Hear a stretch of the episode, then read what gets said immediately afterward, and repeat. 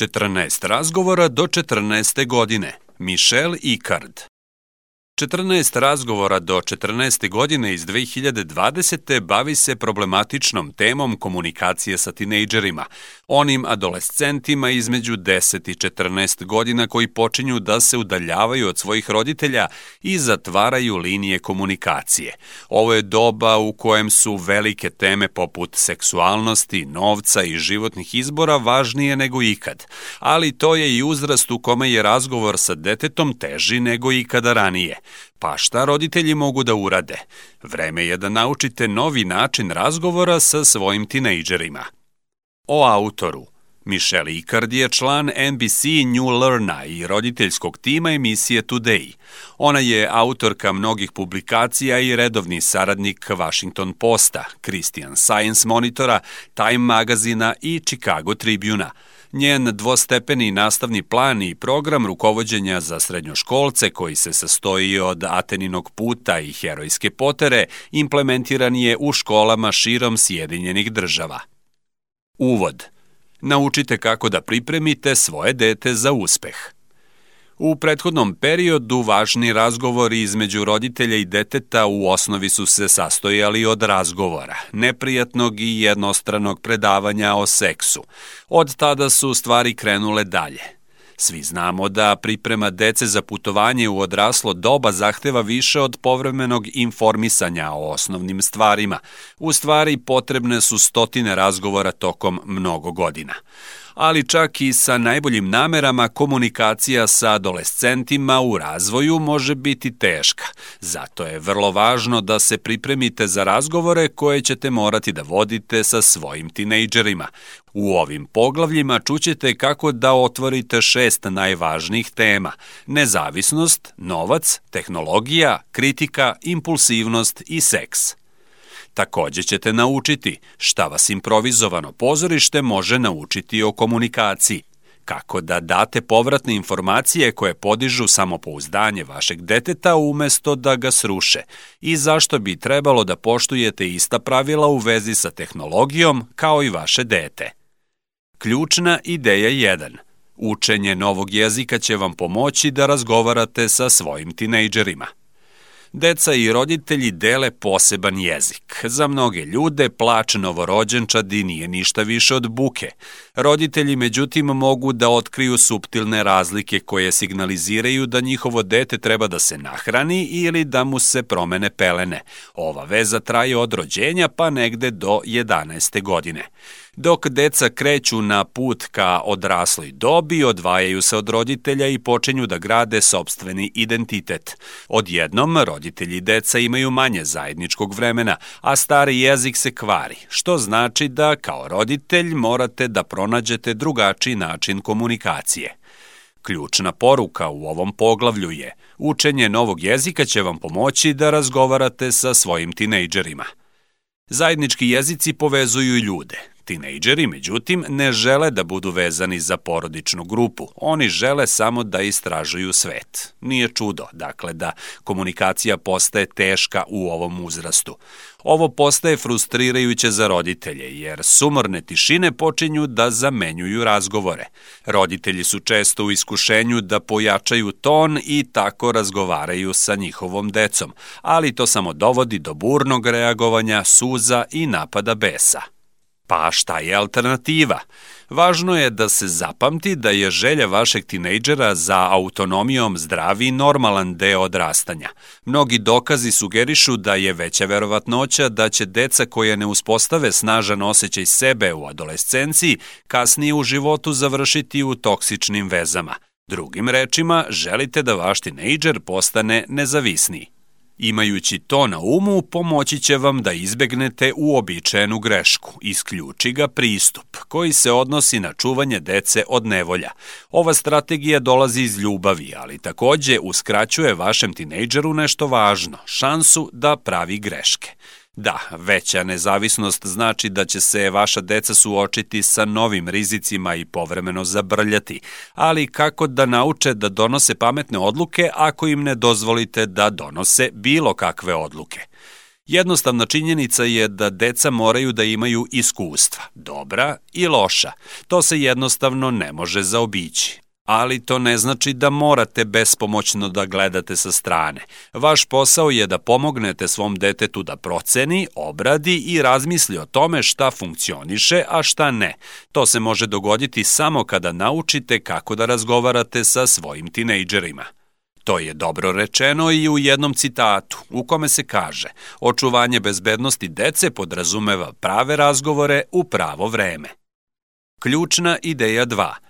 Napravite mapu puta ka nezavisnosti da biste izgradili poverenje i autonomiju vašeg tinejdžera.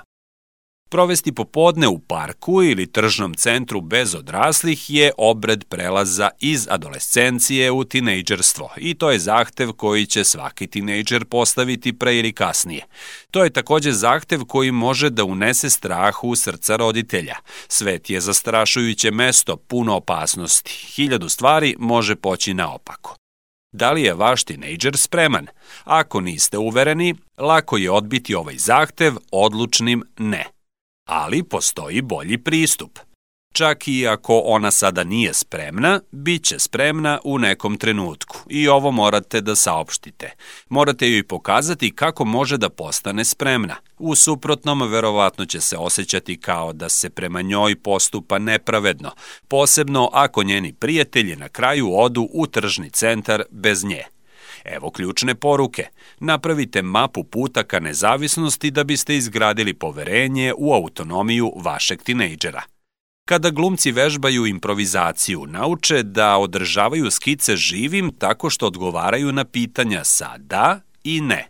Kao roditelj tinejdžera koji ulazi u težak period razvoja, možete da uzmete znake iz ove tehnike – Naravno, to ne znači da treba da pristanete na sve što vaše dete traži. Na kraju krajeva, reći ne je veliki deo onoga što znači biti odgovoran roditelj, ali možete da razmišljate o dijalogu koji se stalno menja sa tinejdžerima kao o skici koju pokušavate da nastavite.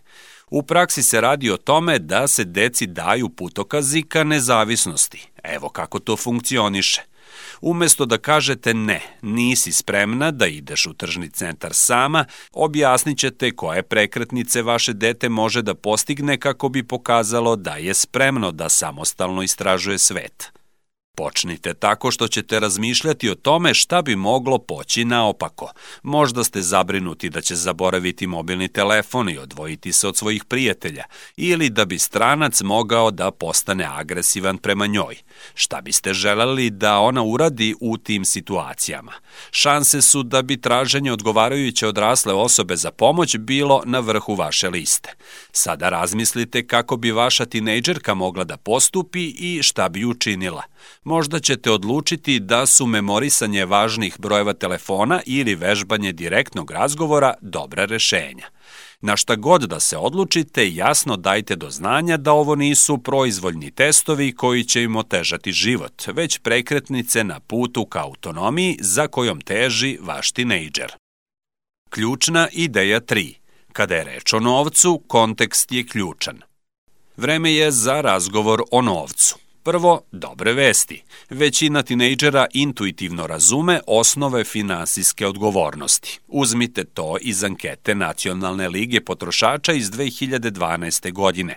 Ona pokazuje da 90% svih američkih tinejdžera štedi nešto novca, a 40% štedi polovinu ili više od toga. Ali ovde stvari postaju složenije. Štednja je važna, ali lične financije su više od štednje. Takođe je važno da vaše dete nauči o kontekstu koji stoji iza monetarnih odluka. Ključna poruka je sledeća. Kada je reč o novcu, kontekst je ključan. Deca upoređuju svoje porodice sa drugima i zbog toga novac postaje aktuelna tema. Ako drugovi iz razreda odlaze na odmor na Havaje ili imaju bazene, i dete će želeti da zna zašto vaša porodica nema. Šanse su da će se takođe žaliti da je to nepravedno. Dakle, koji je najbolji način za vođenje ovakvih razgovora? Prvo, izbegavajte tajnost. Ako želite da deca uče o novcu, morate da razgovarate sa njima o tome. To ne znači da položite sve svoje karte na sto i otkrijete detalje koje ne želite da delite. Umesto transparentnosti, pokušajte otvorenim i iskrenim dijalogom. Da se na kratko vratimo na havajske odmore i bazene. Druge porodice mogu da imaju sve vrste stvari koje vaša porodica nema, ali to vam ne govori mnogo o njihovom finansijskom zdravlju. Možda imaju brdo dugova po kreditnim karticama ili ne uspevaju da uštede za koleđ. To nas dovodi do koncepta vrednosti. Vrednost nije samo cena bazena ili odmora, već i način na koji se taj trošak slaže sa većim budžetom. Ovu ideju možete da predstavite tako što ćete objasniti sobstvene odluke o potrošnji. Recimo da vaš tinejdžer želi novu video igricu. Ističe da je cena smanjena sa 30 na 20 dolara, iznos za koji zna da imate. Možete početi razgovor tako što ćete reći, naravno, to je dobra kupovina, ali to nije dobar razlog da potrošiš 20 dolara. Dobar razlog bi bio da je porodici potrebna nova igra i da je za tu svrhu izdvojeno 30 dolara. U tom slučaju to bi bilo sjajno, ali niste planirali da kupite igru, što znači da ćete na kraju potrošiti novac koji vam je potreban za nešto drugo, poput školskog izleta. Drugim rečima, u kontekstu vašeg budžeta ova odluka nema smisla. Ključna ideja 4. Podstaknite svoju decu da razviju zdraviji odnos sa tehnologijom postavljanjem osnovnih pravila. Istraživanje sveta nije samo provođenje vremena sa prijateljima u tržnim centrima ili parkovima. Oni takođe pronalaze izlaz i na internetu za svoje nove autonomne identitete, a to može da bude još više zabrinjavajuće za roditelje. Nije ni čudo, Tehnologija se kreće velikom brzinom, a mediji su puni izveštaja o opasnostima koje predstavljaju nove aplikacije i trendovi. Često ćete se na kraju osjećati kao da se igrate sustizanja i da se nikada nećete uhvatiti u koštac sa temom ali tehnologija ne mora da bude zastrašujuća. Zapamtite, to je alat, kao i makaze. Može se koristiti bezbedno ili opasno. Ono što je zaista važno nije sama tehnologija, već način na koji dete koristi tehnologiju. Ključna poruka je podstaknite svoju decu da razviju zdraviji odnos sa tehnologijom postavljanjem osnovnih pravila. Živimo u doba u kome je razlika između online i offline postala nejasna. Svet na mreži je sve više stvarni svet, pod navodnicima, što znači da se ista pravila primenjuju u oba. Ovo je najvažnija ideja koju ćete želeti da naglasite kada počnete da pričate o tehnologiji. Dobar način da započnete ovaj razgovor je stvaranje skupa osnovnih pravila koja regulišu način na koji domaćinstvo komunicira sa tehnologijom, uživa u njoj i odnosi se na nju. Ova pravila se mogu izneti na porodičnom sastanku. Cilj je stvoriti okvir koji možete da koristite i za rešavanje manjih problema koji se mogu pojaviti kasnije. Ovo može da uključuje i razgovore o tome koje aplikacije vaša deca smeju da preuzmu ili pitanja poput zašto moram da sklonim telefon. Idite na porodični sastanak otvorenog uma. Ako deca osete da je to samo var kada nametnete pravila koje ste već sami odredili, to neće uspeti tako da ovo zaista treba da bude pravi dijalog. Jednako je važno da pravila koja usvojite treba da važe za sve članove domaćinstva. Možete razgovor da pokrenete sa nekim početnim pitanjima, kako tehnologija može da bude korisna, a kako ometajuća, kako možemo da znamo kada nas to izbacuje iz koloseka i šta možemo da uradimo umesto da buljimo u ekran – Kada shvatite svoja osnovna pravila, ohrabrite sve članove porodice, uključujući vas, da napiše ličnu izjavu navodeći 5 do 10 stvari za koje žele da ljudi veruju o njima. Pomislite na prideve poput ljubazan, smešan ili pošten. Ova izjava može da vodi online interakcije. Pre postavljanja komentara, vaši tinejdžeri mogu da se zapitaju da li se njihovo ponašanje na mreži uklapa sa načinom na koji žele da ih drugi vide. Ključna ideja 5. Pomozite svom detetu da sazri tako što ćete pažljivo pratiti kako iznosite kritiku. Tinejdžeri su jedni od najkritikovanijih osoba na zemlji. Kapije se otvaraju u ranoj adolescenciji. Kod kuće se suočavaju sa komentarima o svemu, od onoga šta nose pa do ocena i izbora prijatelja. U školi nije drugačije. Vršnjaci koji osuđuju ocenjuju svaki aspekt izgleda i ponašanja, dok ih nastavnici, treneri i administratori bombarduju akademskim informacijama. Kao roditelj, deo vašeg posla je da date kritiku. Na kraju krajeva, povratne informacije su sastavni deo procesa učenja, ali nisu sve kritike jednako delotvorne. Neki oblici ometaju razvoj, dok drugi podstiču rast. Evo ključne poruke. Pomozite svom detetu da sazri tako što ćete obratiti pažnju na to kako iznosite kritiku.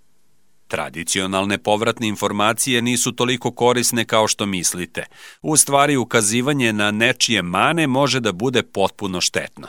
To možemo da vidimo i iz rada koji je objavila poslovna škola Harvard 2017. godine pod naslovom Kupovina za potvrdu, a koja se bavi time kako ljudski mozak reaguje na kritike.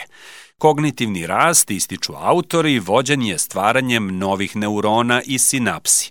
Većina ovog rasta se dešava kada se neko osjeća samouvereno i kompetentno.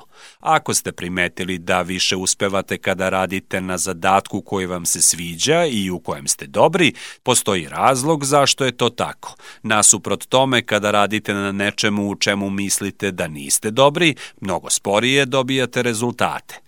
Kakve ovo veze ima sa tinejdžerima? Pa kada razgovarate sa decom o njihovim snagama, njihov mozak užurbano konstruiše nove neurone i veze. Isticanje grešaka ima suprotan efekat. Mozak ovu kritiku obrađuje kao pretnju i isključuje je. Isticanje nedostataka, drugim rečima, zamrzava učenje. To ne znači da nikada ne treba da kritikujete decu, ali treba da pazite na to kako to radite. Recimo da vaše dete dotrči do vas usred razgovora preko telefona da razgovara o sjajnoj ideji koju je upravo dobilo. Vredna kritika bi bila, molim te, ne prekidaj me dok pričam telefonom. Štetna kritika bi bila, ti si neko ko ne dozvoljava ljudima da obavi bilo šta, baš si dosadan. Možete da napravite i korak dalje tako što ćete svoje povratne informacije pojačati. Mogli biste recimo reći nešto poput imaš mnogo dobrih ideja, ali bih voleo da zapamtiš da me ne prekidaš kada razgovaram sa prijateljima.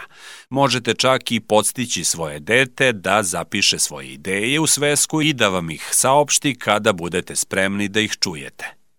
Ključna ideja 6.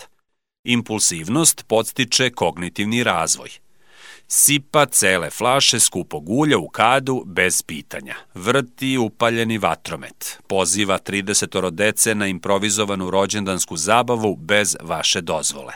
Ovo su samo neke od stvari na kojima su razdraženi roditelji uhvatili svoje tinejdžere. Morate da shvatite da su tinejdžeri impulsivni, ali to nije slučajna pojava prirode. To bi moglo da bude opasno ponekad, ali impulsivnost nije sama po sebi nezdrava. Ključna poruka je sledeća. Impulsivnost podstiče kognitivni rast. Počnimo sa definicijom. Šta je zapravo impulsivnost? Jedan od odgovora je da je to obična nepromišljenost, ali to nije sasvim tačno. Impulsivnost nije nedostatak donošenja odluka, to je vrsta donošenja odluka. Evo i da objasnimo. Neke vrste odlučivanja se odnose sa pogledom na budućnost i na posledice koje prouzrokuje. Druge su direktno fokusirane na sadašnjost. Obe služe različitim svrhama. U poslednjem slučaju radi se o rastu prefrontalnog korteksa, dela mozga odgovornog za analizu rizika, rešavanje problema i kritičko razmišljanje. Nova iskustva stvaraju nove podatke, a asimilacija ovih podataka pomaže mozgu da izgradi nove veze. E sada, mozak želi da raste, pa reaguje na nova iskustva preplavljajući nervni sistem dopaminom, neurohemijskom nagradom koja nas podstiče da ponavljamo radnje. Drugim rečima, impulsivne odluke pokreću kognitivni rast. Traganje za novim stimulansima naziva se traženje senzacija i apsolutno je ključno za razvoj. Što više ovakvih iskustava, to bolje. Kratkoročno to dovodi do mnogo loših poteza, ali dugoročno to će dovesti do povećanja kapaciteta za racionalno razmišljanje. Kako onda podstaći potragu za senzacijama dok štitite decu od opasnih impulsivnih odluka? Dobra stvar je napraviti razliku između dve različite vrste impulsivnog ponašanja. Prvo, postoje neposredne pretnje po zdravlje i život, poput igre koje uključuje vatromet. Slobodno uložite sav svoj roditeljski autoritet i snažno i brzo suzbite ovo ponašanje. Drugo, imate manje ozbiljne slučajeve kao što je taj improvizovani plan rođendanske zabave. Ovde možete da nađete lako rešenje. Zamislite da ponovo imate 12 godina. Kako bi tvoji roditelji reagovali u istoj toj situaciji? Najvažnije, pokušajte da pomognete svom tinejdžeru da nauči, tako što ćete razgovarati o tome šta bi sledeći put mogao da uradi drugačije. Ključna ideja 7. Rana diskusija o seksu olakšava kasnije razgovore. Početkom 90-ih male umetničke škole širom Sjedinjenih američkih država su sprovodile nove politike oko seksa. Škola srednjeg zapada koju je autor pohađao bila je jedna od njih. Između ostalih pravila učenicima je naloženo da uvek traže usmenu dozvolu pre nego što poljube drugu osobu. U to vreme mnogi su ovo pravilo videli kao smešno, nepraktično i neromantično. Srećom, stvari su se od tada promenile. Danas se pritisak ne smatra ključnom linijom i postoje ključni deo seksualnog obrazovanja. Ali ne morate da čekate da tinejdžeri budu spremni da razgovaraju o seksu da biste i razgovarali o tome. Dobra je ideja da pričate o tome, ali i u neseksualnim kontekstima. Ključna poruka ovde je, rana rasprava o seksu olakšava kasnije razgovore. Rani razgovor na ovu temu omogućava tinejdžerima da se priviknu na koncept, a to ih uči da imaju bezbednije seksualne susrete kasnije. Ali kako otvoriti ovu temu? Zapamtite, pristanak nije samo seksualni kontakt, već jednostavno odlučujete ko će vas dodirnuti, kada i kako – U širem smislu radi se o granicama. Svako dete je drugačije kada treba reći ne. Neki će rado reći ljudima da prestanu da rade nešto što im se ne sviđa. Drugi će možda morati da nauče da kažu da to nije pristojno. Mnogi tinejdžeri koriste strategiju izbegavanja sukoba kako bi izbegli da kažu ne. Autorka je to videla nebrojeno puta na letnjim liderskim kampovima koje vodi za srednjoškolce. Često su deca govorila nepotrebne laži. Ako ih druga deca primoravaju da se igraju ili su previše umorna ili samo žele da pročitaju knjigu, izmisliće nešto o tome da moraju da prisustvuju sahrani tetkine mačke i slično. Ako primetite da vaš tinejdžer izgovara ovakve laži, ohrabrite ga da vežba da kaže direktno, jednostavno ne, kada ne želi nešto da uradi. Podsjetite ga da ne treba da se pravda, to je njegov izbor i on može da postavlja sobstvene granice. Lična imovina je još jedan odličan način podučavanja. Kod tinejdžera, kod kuće često dolazi do svađa. Ono što je tvoje je moje, posebno kod braće i sestara. Zato sazovite porodični sastanak da biste razgovarali o ovoj temi. Postavite neka osnovna pravila o poštovanju tuđih stvari i traženju dozvole za korišćenje stvari koje vam ne pripadaju. I evo jednostavne, ali efikasne strategije, a to je da nastavite da razgovarate sa svojim tinejdžerima dok se kreću ka zrelosti i odrasloj dobi. Vežite se i krenite na tu vožnju. Konačni rezime, ključna poruka u ovim poglavljima. Ako želite da efikasno komunicirate sa svojim tinejdžerima, morate da naučite novi jezik. Vi ste glavni, ali takođe morate svom detetu da date putokaz za veću autonomiju. Izbegavajte pristup radi kako ja kažem, tako što ćete izneti osnovna pravila koje će se primenjivati na celo domaćinstvo. Što se tiče kritike, neka bude pozitivna i obrazložite to kako biste poboljšali proces učenja vašeg deteta. A kada je u pitanju seksualnost, počnite polako i uvedite koncept i razgovore u neseksualnom kontekstu. Savet. Ne zaboravite na sobstvene potrebe – Kako se vaša deca razvijaju, ona će sve više davati prioritet drugim ljudima i interesima nego vama. Ovo u početku može da bude razočaravajuće, ali je i dobra prilika. Ovo je prilika da oslušnete svoje potrebe. To može da znači ponovno otkrivanje starog hobija ili ponovno povezivanje sa svojim partnerom ili starim prijateljima. Roditeljstvo može biti teško, zato obratite pažnju i na druge stvari u kojima uživate osim što ste roditelji.